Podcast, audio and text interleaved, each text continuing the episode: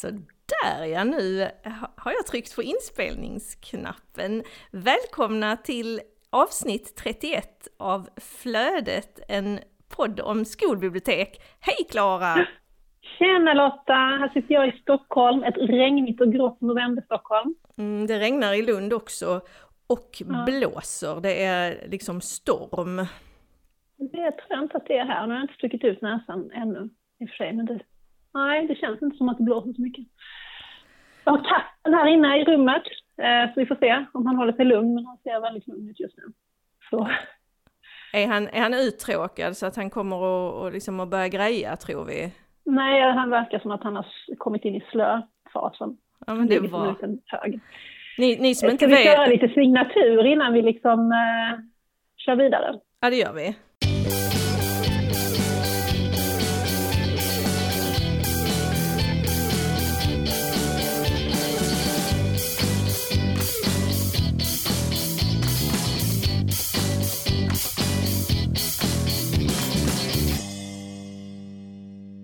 Jag tänkte att för er som inte har eh, sett filmen som Klara har eh, delat på, på Twitter så, så finns det en, en gigantisk katt i, i Klaras familj som heter Gizmo som ibland ställer till det lite. Mm. Eh, för er som inte visste det så att ni inte känner er utanför. Ja, mm. vad händer? Ja, vad händer? Det är det digitala livet som återigen har tagit sitt järngrepp om vår verklighet, eller hur? Ja, det är bara att gilla läget. Ja. Det, det, det är så här det är och, och, vi vet inte hur länge det kommer Nej. att vara så här. Hur, hur är det på skolan, på din skola? Jo, alltså på, på grundskolan har det ju liksom länge varit så här att det är business as usual lite grann och så, men nu har jag faktiskt infört lite coronarestriktioner i min boksamling. Jag har ju en väldigt smal och trång lokal. Det har jag ju pratat om innan. Och nu har jag, eller tillsammans med ledningen då, bestämt att vi, tar, vi blandar inga klasser i den lokalen. Alltså de här sakerna har fallit sig lite av sig själva innan, men nu har vi liksom styrt upp det. Vi blandar inte klasser och jag vill inte ha större grupper än åtta elever åt gången där inne för att man kan liksom inte Alltså häromdagen så kom det in en grupp med otroligt upphetsade och glada elever som alla skulle låna en bok. Det är fyrorna som håller på med en läsutmaning. Och de var så himla i gasen och så var de liksom kanske 15. Och då gick det liksom inte att höra vad någon sa utan att luta sig väldigt, väldigt nära dem. Så dels det fysiska avståndet, att, man liksom, att det är så trångt så man inte kan hålla avstånd, men även att man måste vara nära för att höra, gjorde att jag kände att vi får nog begränsa, vi får nog göra någonting. Så åtta elever åt gången och så är dörren låst. Att de får knacka och så kommer jag och släpper in. Jag kan kolla att det inte kommer in för många och så jag också kan handspritsduscha dem lite på vägen in. För bibblan är ju så ett ställe där alla fingrar på alla saker. Liksom. Det, det tillhör ju liksom det naturliga. Mm, ja, det, det har hänt hos mig. Ja, det är ju svårt.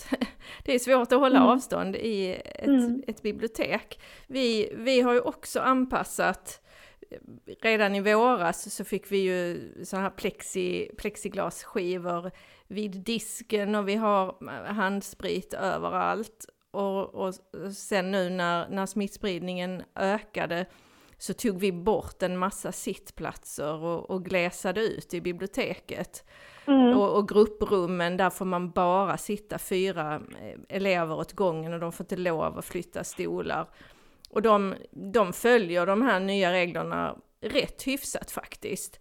Men mm. annars så, så är det ju svårt på en skola med 2600 elever att, eh, ja, att de ska kunna hålla avstånd. Det, det, är trångt i korridorerna och det är ju 32 elever i de flesta klasser och klassrummen är kanske gjorda för 25 elever egentligen.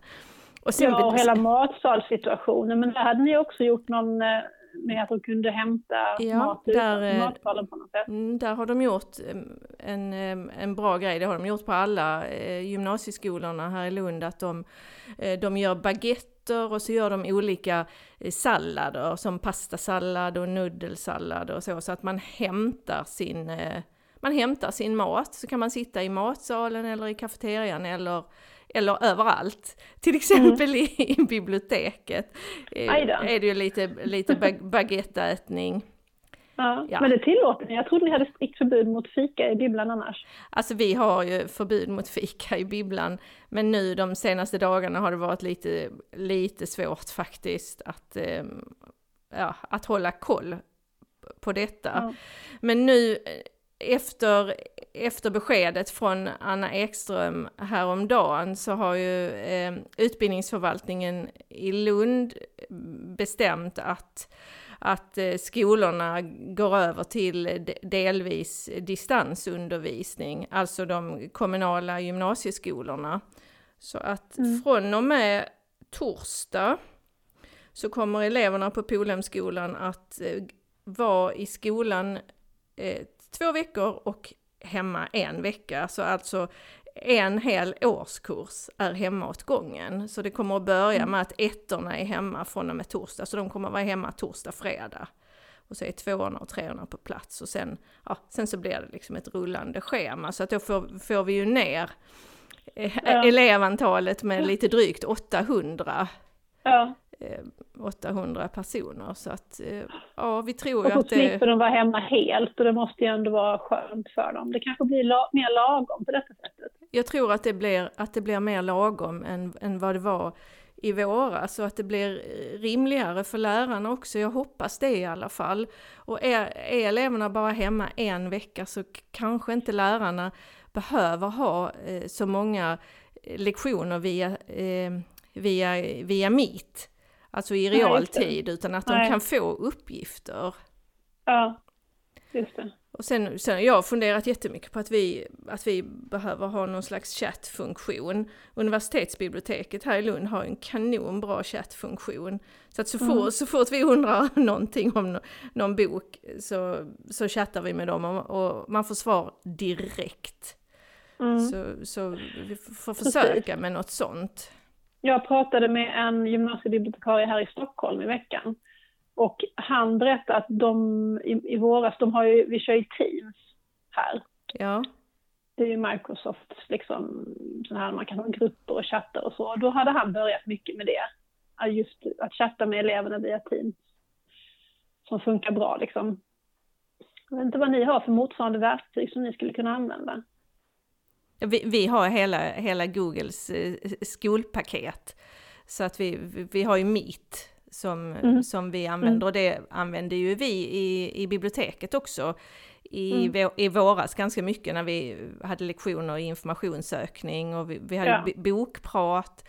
Men sen spelade vi ju in eh, mycket film också som ligger på vår YouTube-kanal. Så jag, jag får se ja. hur, det, hur det blir nu. Ja. Ja, Andra digitala grejer är ju att liksom, de här grejerna som jag, jag gör i mitt företag, de har ju blivit helt digitala. Jag hade ett live-gig i år eh, tillsammans med den här föreningen som heter Läsplogen. Ja, Silla Dahléns initiativ. Ja, precis. Och det, och det blev inställt. Men annars har jag haft eh, två digitala föreläsningar, en för eh, Axiell Axiells användardagar, som den ligger ute faktiskt nu, så man kan kolla på den inspelad i efterhand, som handlar om läsning, läsning för nytta eller nöje, det är lite det vi ska prata om idag. Vi ska ju prata om läsning. Ja, det ska vi. Och sen har jag också gjort, eh, varit medverkan i eh, alltså regionen här, Region Stockholm. De har varje år en konferens som heter Barn, bibliotek och forskning.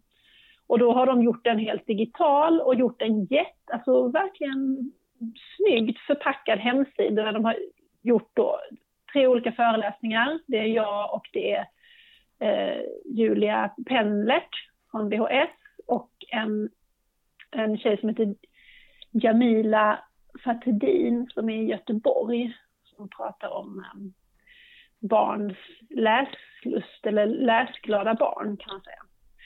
Eh, och så har de förpackat det liksom ihop med bredvidläsning och reflektionsfrågor och så, så att det är liksom en hemsida fast de har gjort det som ett konferenspaket, vilket är sympatiskt, för man kan mycket väl liksom bestämma att idag är hela personalgruppen ledig och så gör vi det här tillsammans. Kanske kollar på föreläsningarna, pratar via olika verktyg med varandra och så. Vad intressant, men hur hittar man detta? Ja, men jag tror att det är en konferens som, man, som erbjuds eh, de som tillhör Region Stockholm. Och, och jag vet inte om man behöver betala för den eller om den är fri för de som ingår i deras upptagningsområde. Det har jag ingen aning om. Men jag har ju fått tillgång till länken eftersom jag är föreläsare, men jag tror inte det är en fri, det är ingen fri länk. Liksom, som, men sen, um, det, det, har ju hänt, det har ju hänt uh, lite grejer uh, sen sist. Ja, det har ju kommit har ju. två nya böcker.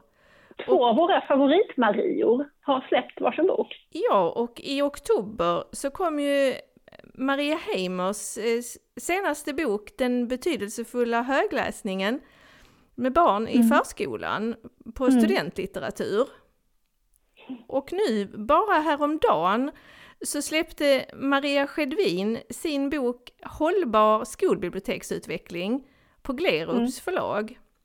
Och den handlar om hur man kan organisera och styra upp skolbiblioteksverksamhet eh, på bästa sätt. Mm.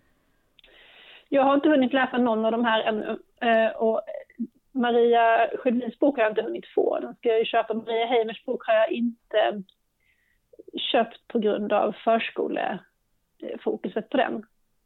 Men eh, jag har däremot sett, för att hon har gjort några små filmer kring det här också. Jag har sett några av dem. Och det verkar superbra verkligen. Ni, eh, ni... Om man jobbar med yngre barn. Jag kan ju berätta att, att eh, Maria Heimer är skolbibliotekarie i, i Kävlinge och jobbar deltid mm. med det och sen jobbar hon i, i sitt eget eh, företag. Eh, och eh, har ju hållit på med, med högläsning och, och, och läsning länge. Och Maria Skedvin har jobbat som skolbibliotekarie på Oxivångsskolan i, ja, i Oxie, det ligger, det ligger i Malmö, eh, och är nu skolbiblioteksutvecklare i Malmö mm. stad. Yes. Så, så ni vet vilka, vilka Marior vi pratar om. Maria Skedvin har ju varit gäst här. Eh, Maria ja. Heimer får vi faktiskt ta och intervjua tycker jag. Ja, vi hoppas att hon kommer att vilja det. Lyssnar du Maria så hör av dig så bokar vi tid för intervju. Men vi kan länka också på eh, Twitter och till deras eh, boktitlar så att man kan se vad det är för någonting. Ja, det gör vi. Då kanske vi ska komma fram till eh, det vi hade tänkt prata mest om idag. Läsandets mm. årsringar.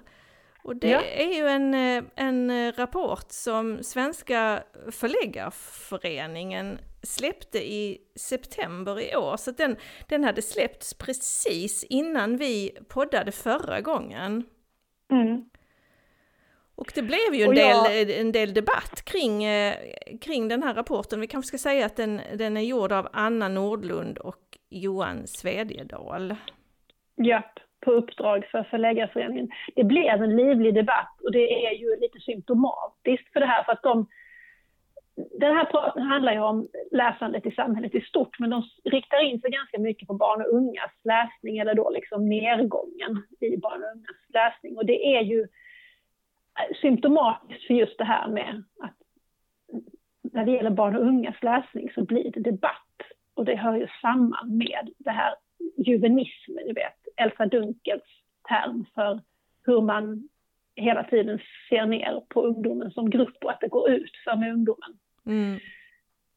Eh, och samtidigt som den så fanns det också en UR-serie som också hamnade mycket i eller en dokumentär var det kanske, jag har inte sett den, men den handlar om hur eh, svenska ungdomar skriver allt sämre liksom. Jo men den, den, har, jag, den har jag sett. Det, ja. Filippa Mannheimer ja, intervjuas. Sen var det också en bidragande faktor till att debatten verkligen blossade upp. Det var ju att Jens Liljestrand, som är biträdande kulturchef i Expressen, att han skrev en eh, spetsig krönika. Jag antar att han gärna ville skapa debatt och det gjorde han också. Där han föreslog att man skulle helt enkelt tvinga sina barn att läsa för att eh, det kan inte vara valbart. Det är precis som att vaccinera sitt barn. Man ska se till att det läser. Det är en fråga om flockimmunitet, skriver han.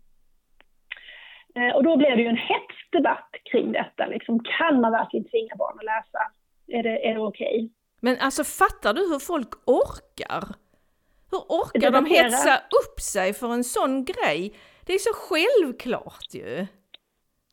Att man ska tvinga barn att läsa? Ja. Ja. ja, men i skolan är det ju det liksom. Men många, många vuxna har ju svårt att tvinga sina barn att göra någonting överhuvudtaget. Allt från att gå och lägga sig till att eh, liksom eh, röra på sig eller stänga av sin platta. Alltså jag, ja, mm. tvång har liksom så himla dålig klang. Ja, jag, jag tänkte på en grej. Um, I eh, Expressen så, så har, har, man intervjuat den ena eh, författaren Anna Nordlund och då är rubriken Vi måste hjälpa våra barn att avstå från internet. Men sen mm. om man läser artikeln så säger hon att, att det är liksom vi, vi vuxna som, mm. som, som, som måste eh, reglera vår skärmtid för att få tid till annat, som till exempel högläsning och samtal med ett barn. Nu citerade mm. jag eh, den här artikeln. Mm. Så, men... och, och det, det, är ju också vad rapporten på något vis eh, kommer fram till. Alltså, det är, är att internet tar så mycket tid så att det liksom tränger undan läsningen. Fast de som verkligen läser, alltså bokläsarna, de, de läser ändå ganska mycket och läsvanorna i befolkningen som helhet har inte påverkats så himla negativt. Lika som det här med, med mm. eh, ljudböcker, det har inte heller trängt undan bokläsningen för att de som lyssnar på ljudböcker, det är sådana som också läser. Men att man ser liksom en plattformsförskjutning från traditionella papperstidningar till exempel till digitaltidning eller, eller eh, tablålagd tv till strömmad tv och så vidare. Men eh, vad gäller barn och unga så eh, är de ju också väldigt inne på att ja, eftersom alla barn från typ nio år har tillgång till en telefon och en internetuppkoppling så, så är den här ut, utträngningseffekten väldigt, väldigt stark. Och, ehm, eh, och det finns liksom en kanske tendens att flitig användning av internet kan leda till svårigheter att koncentrera sig på en långvarig och linjär djupläsning, vilket är något du måste klara av för att liksom konsumera skönlitteratur. Och sen också att eh, även internet har ju på senare år blivit dragit från väldigt textbaserat till väldigt bildbaserat. Så det är liksom flera saker som faller samman som är till litteraturläsningens nackdel. Men en, en sak som är väldigt intressant, det är ju vad det är för skillnad mellan att lyssna på en text och läsa en text. Mm. Skriver de någonting om det? Um, ja, alltså de skriver om det lite grann för att um, de menar ju, de, de åtskiljer de sakerna. Alltså det här vidgade textbegreppet och läsa med öronen, det, det tar de liksom inte med, utan de gör tydligt att, att läsa det är liksom att avkoda eh, avkoda och tolka. Och det som du gör då, den processen som du måste liksom öva dig på och träna dig på, det är inte samma sak som att lyssna. Även om kanske ordförråd och så vidare, det kan du få lika väl genom en ljudbok.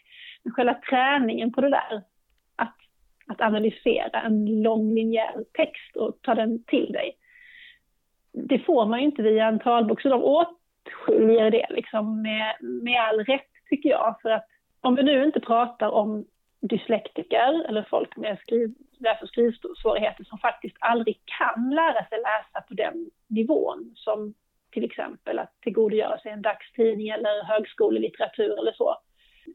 De, de kommer kanske aldrig dit och de måste ju lära sig på djupet läsa med öronen och ta till sig talböcker. Men om vi bortser från dem så ehm, de andra som mm. kan lära sig läsa, de måste läsa för att lära sig läsa. Man kan inte lyssna sig till den förmågan. Men alltså är det forskat tillräckligt mycket på detta? Vad säger du? Alltså skillnaden här mellan att läsa med ögonen och att läsa med öronen? det, alltså, jag vet inte om det är forskat på skillnaden, men det är ju ganska mycket forskat på alltså den kognitiva processen, hur du, hur du tolkar tecken och vad som krävs för att hjärnan ska tolka de här tecknen och skapa mening av dem, och mening och förståelse. Ja. Där är det ju forskat ganska mycket och det är ju en jättekomplicerad process för hjärnan. Den ska samverka på flera olika nivåer samtidigt.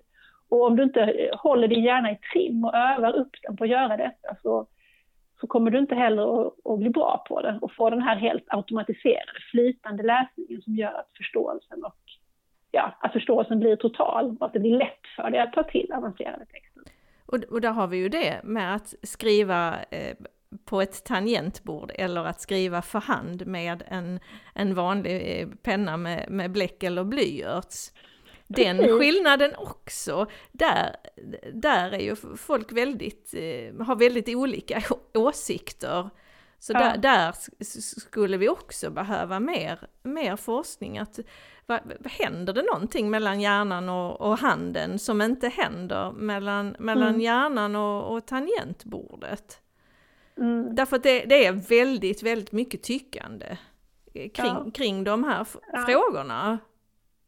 Det skriver de ju inte någonting om i läsarnas återstringar såklart eftersom de är inriktade på läsning. Men ja. en intressant sak som de, som de nämner det är att nu jämfört med förr så är det ju så, har ju nästan alla en högskoleutbildning. Alltså utbildningsnivån på, på svenskarna i, liksom, i gemen har ju höjts jättemycket. Ja. Och i, i regel så kräver ju sådana studier en avancerad läsförmåga. Alltså de där 50 000 orden som man ska kunna för att kunna ta sig igenom en, en högskoleutbildning och så vidare. Um, men det som är intressant, som de säger, är att den här höjda utbildningsnivån inte har lett till att fler läser eller till att människor läser mer.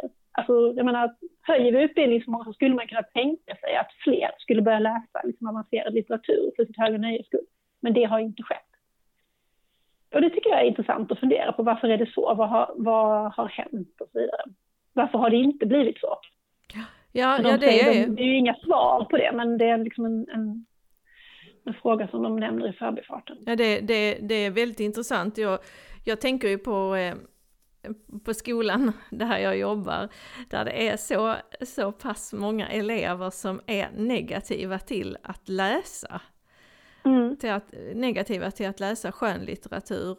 Um, och ja, jag har märkt någonting som inte har hänt tidigare. Och det är att elever efter ett bokprat, när de har valt böcker, kommer till biblioteket och ber att få byta för att boken de har valt inte finns på den kommersiella ljudbokstjänst som de har. Mm. Det har jag aldrig varit med om tidigare, men det händer lite då och då nu. Mm. Men det behöver ju inte vara en, en, ett tecken på att läsförmågan har gått ner. Det kan lika väl vara ett tecken på att tillgången finns. Tillgången finns har, och, att, att man, man sparar ju tid. inte möjligheten att, att hitta att hitta de här eh, böckerna, alltså det, man hade inte möjligheten. Nu är det ganska billigt och många familjer har kanske ett familjeabonnemang som man har tillgång till det här. Och sen hela situationen för de här eleverna, till exempel, väldigt många av era elever pendlar varje dag. Och man har en ganska stressad tillvaro och sjukt många bollar i luften och då vill man ju spara tid genom att kunna lyssna samtidigt som du åker bussen hem eller samtidigt som du går på gymmet eller vad du nu ska hinna med i din vardag. Ja, visst, nej, men det, det är jättebra. Jag lyssnar ju själv väldigt ja. mycket eh, på böcker, men för min egen del så tycker jag att det är två olika grejer. Mm. Ehm, det, det, det, blir ytligare för mig när jag, när jag lyssnar. Och ibland kombinerar mm. jag så att jag, så att jag lyssnar och sen vissa partier vill, vill jag läsa i, i boken som Renegater, Claes Östergrens ja. bok som jag lyssnade på. Han har läst in den själv. En jättefin inläsning, men då, vissa delar ville jag, ville jag läsa. Alltså ja. med, med ögonen. Ja. Ehm. Men det stämmer ju överens med det som läsarnas årsringar konstaterar, för de konstaterar att ljudbokskonsumtionen verkar inte ha någonting att göra med läsmotstånd. utan eh, många ljudbokslyssnare tar till sig litteratur på många olika sätt. Eh, och ljudboken är inte en, ersättning utan är, den är ett komplement till andra böcker. Sen lägger de också fram en intressant teori och det är att ljudboken skulle vara eh, vad de kallar en ny sorts billighetsbok. Jaha. Och billighetsböcker det är ju sådana här som har kommit med jämna mellanrum liksom allt sedan vi har haft boktryckeri nästan. Alltså det kan vara sådana här 25 öres häften eller har det varit tidigare, det kan vara någon, någon billig pocketupplaga eller sådär. Som är liksom, har kommit, blommat upp, varit väldigt populär under en period och som bokbranschen har varit jätteorolig för att oj oj oj nu kommer den här billighetsboken och ska konkurrera ut allting annat. Sen har det liksom bara dött ut. Och, och, skulle det vara det, en ny sorts billighetsbok, då ska det ju vara liksom en puckel som är nu och som blossar upp men som sen rinner ut i sanden lite grann. Men nu produceras det ju också böcker direkt för, eh, för de här ja, ljud, ljudboks... Mm. Ja. ja, precis. Det nämner de också som, som en intressant eh, aspekt för att det liksom vänder på, ja, eller det börjar påverka liksom produktionen och, och vad man vill ha. För det är ju många överens om, precis som du var inne på det här med Renegat, att man måste läsa vissa bitar. Att ljudboken kräver lite mer lättsmält litteratur än läsvarianten. Så då, det, det är väl så att, att eh, vi, vi människor, vårt behov av berättelser, den är konstant helt enkelt? Ja, det är konstant. Mm. Vad gäller barn och unga då, och anledningen till att debatten kring läsarens årsringar då liksom spetsade in sig på barn och unga, det var ju eh, att de, den här rapporten är väl i två kapitel och en är mer allmänt hållen och en, och en riktar in sig just på barn och unga. Och, ehm, och trots att det är så att barn och unga läser mer än vuxna män till exempel, och trots att det är så att vi nu ser i de här olika skolundersökningarna att läsförståelsen går upp, så kan man ju ändå se liksom att läsningen i antal timmar, hur mycket man läser, har ju ändå gått ner. Och de drar några paralleller som jag tycker är intressanta i det här. Dels eh, skolans styrdokument, de som kom 94, som hade väldigt lågt timantal för svenska och eh, väldigt lite styrning i kursplanen, alltså mål och riktlinjer, mm. var svaga.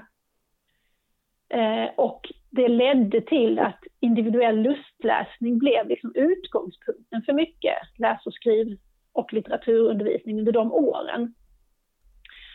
Eh, då i, i kombination med att hela medielandskapet totalt förändrades under 2000-talet och kommer påverka tiden som barn då hade för läsning. De sakerna liksom, i kombination menar de kan ha någon slags varför det har blivit så här, varför det har blivit så här, även om det nu går uppåt igen. Men att, ja. Och att det är väldigt den här undanträngningseffekten som jag nämnde innan, att den mm. är väldigt stark för barn och unga.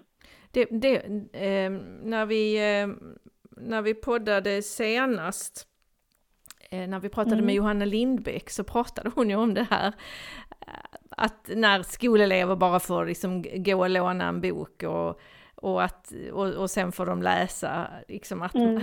när läraren inte, inte jobbar mer med läsningen och det lästa, så att barnen mm. får diskutera med varandra så blir det ju låg, det blir låg kvalitet.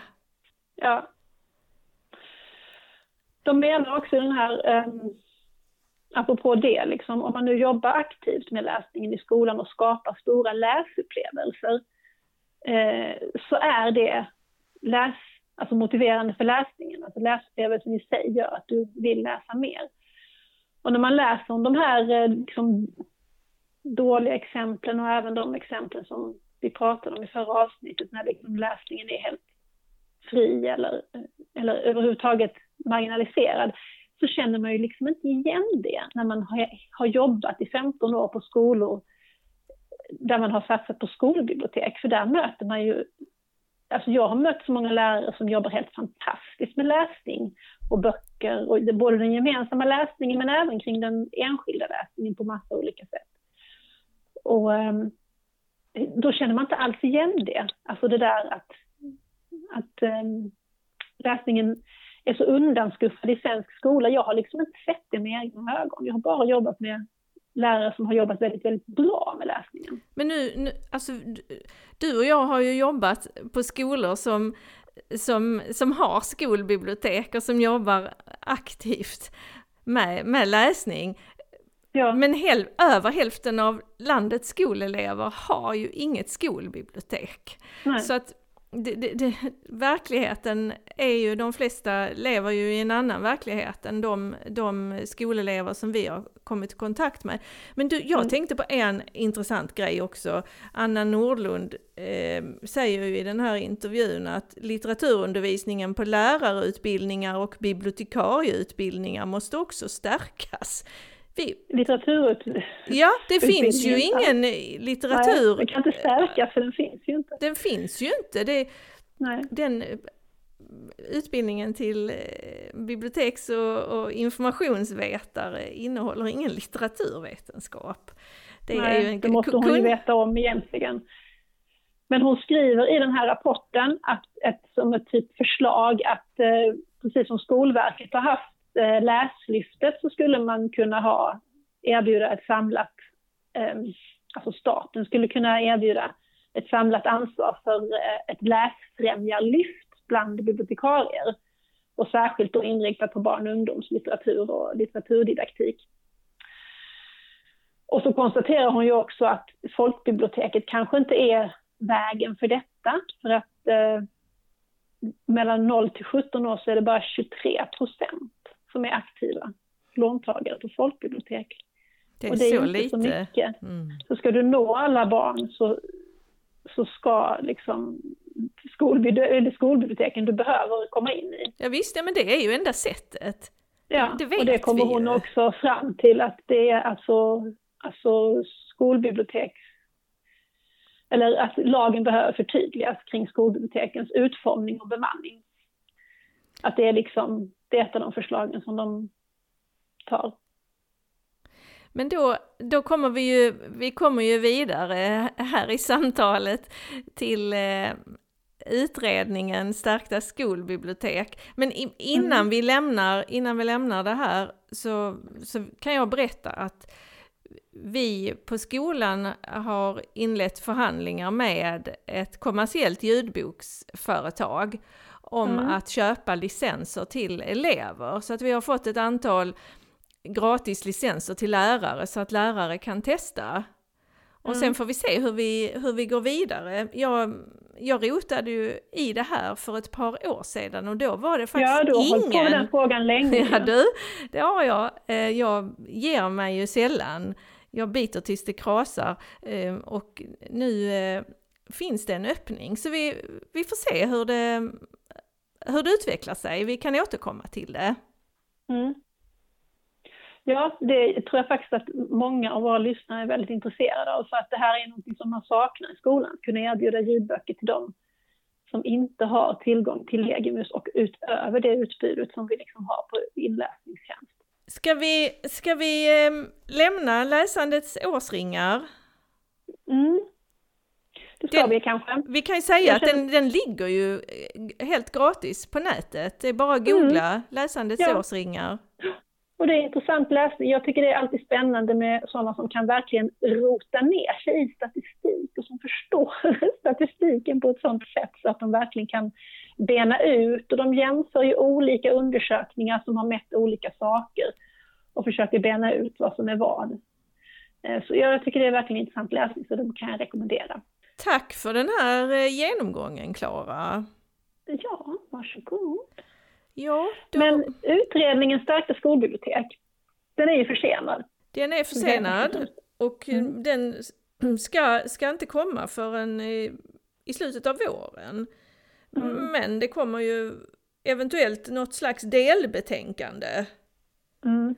eh, tidigare.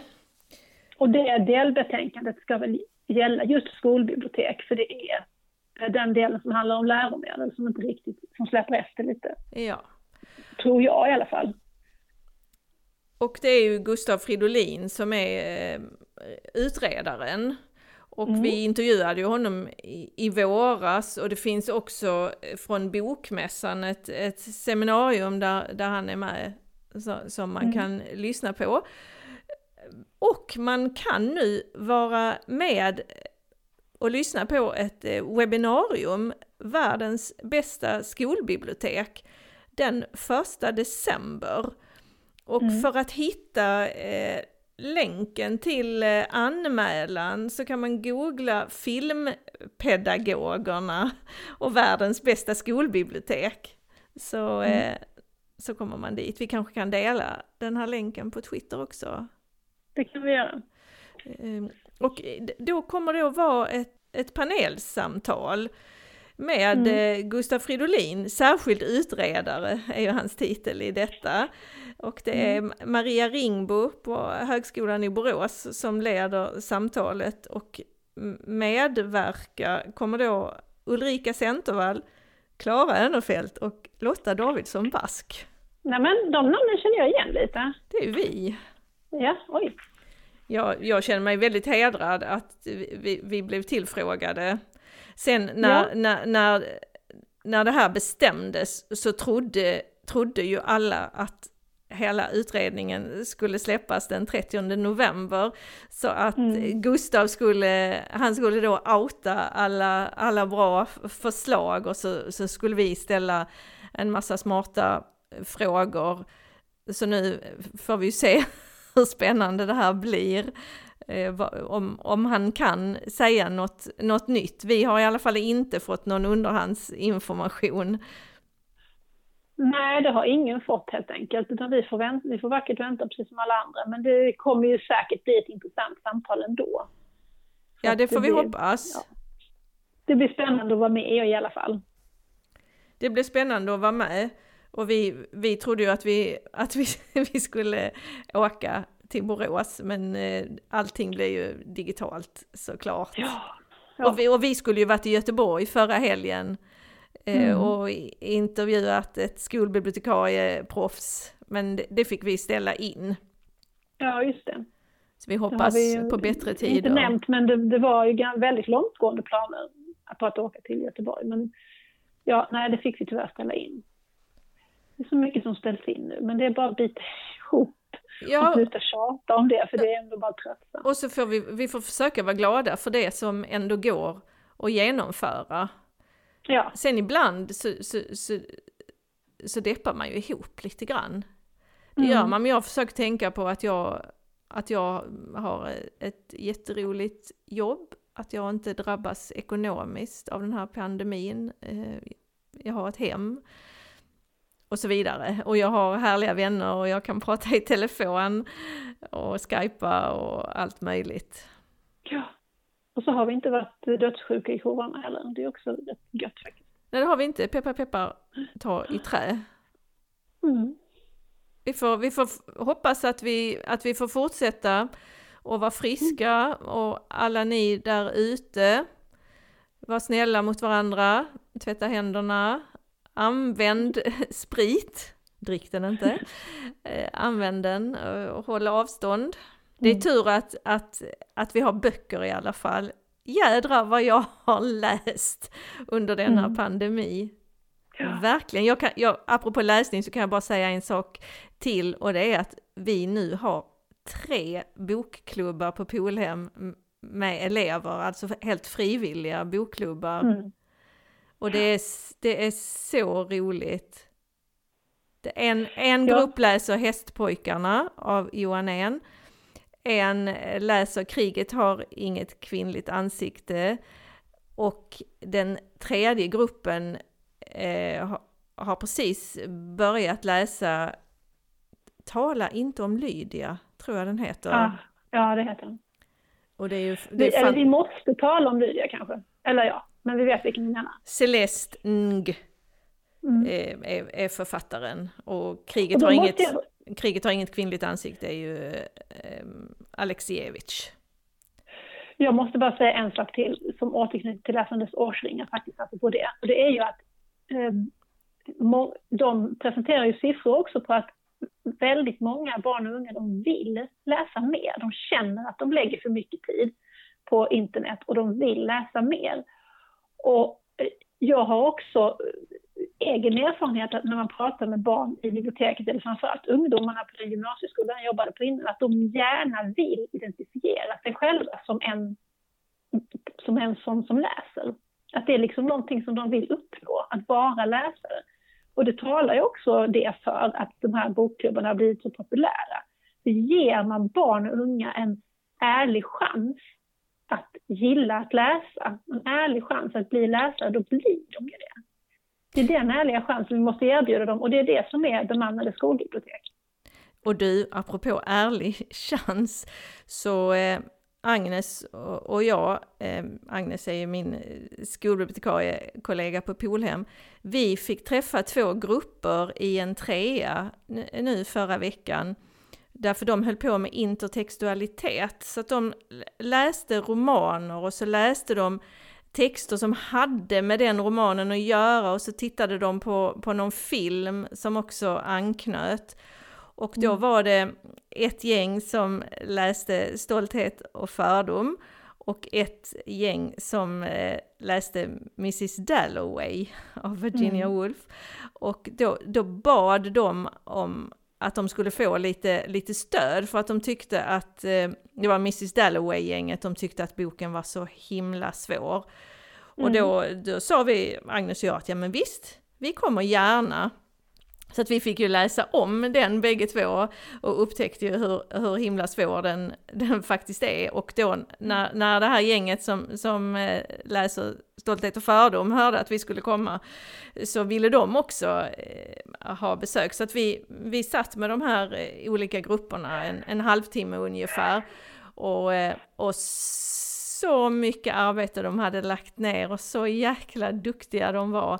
De som hade mm. läst eh, Mrs Dalloway, de hade tittat på eh, Michael Cunninghams, ja alltså det är inte hans film, men Michael Cunningham har skrivit en, en bok som heter Timmarna som är helt fantastisk som, som handlar om Mrs Dalloway och Virginia Woolf. Och, eh, och den är filmad, en väldigt fin film, så de hade, de hade sett den filmen och så läste de eh, boken och de de hade liksom, de hade några frågor som vi diskuterade med dem och ja, det var så himla givande. Eh, mm. Och ja, jag var verkligen imponerad av de här Apropå eleverna. detta som vi pratade om innan, att, att hur svensklärare verkligen jobbar aktivt med riktigt snåriga texter och utmanar sina elever på ett ja. väldigt fint sätt. Och de som, de, som, de som hade läst Stolthet och fördom, de hade tittat på eh, Bridget Jones dagbok, på den mm. gamla filmen med Renée Zellweger eh, och Colin Firth. Och, och de, de hade också de läst väldigt, eh, på ett väldigt bra sätt och dratt kopplingar och, och så. Så att ja, mm. det, det går att få Eh, elever att läsa klassiker och, och att faktiskt tycka om dem. Mm. Ja, det, det, det blir slutorden Lotta. Det blir det. Det, det går. De vill om man ger dem chansen och det går. Ja. Det krävs, en, eh, det krävs ett bemannat skolbibliotek och en duktig svensklärare. Det är det som vi behöver. Det är det vi behöver och att, att, vi, och att vi vuxna, att vi minskar vår skärmtid lite grann. Så att mm. vi har tid att, att läsa högt. Mm. För ett barn? Ja. Ja. Då, ja. då, ska vi, då ska vi tacka lite. Ja, vi, vi ska... tackar Televerket för uppkoppling. Nej, jag det gör vi inte. Vi, vi... Vi, eh, vi tackar Torbjörn för den fina jingeln idag. Ja. Och så eh, tackar vi eh, jag tycker vi tackar Maria Heimer och, och Maria Skedvin för att de har eh, skrivit angelägna böcker. Det gör vi. Och sen vill jag tacka dig Lotta för ett trevligt samtal. Och jag tackar dig Klara. Och sist men inte minst så tackar vi alla våra lyssnare. Tack för att ni lyssnade. Ha det bra. Vi hörs. Hej då. Hej då.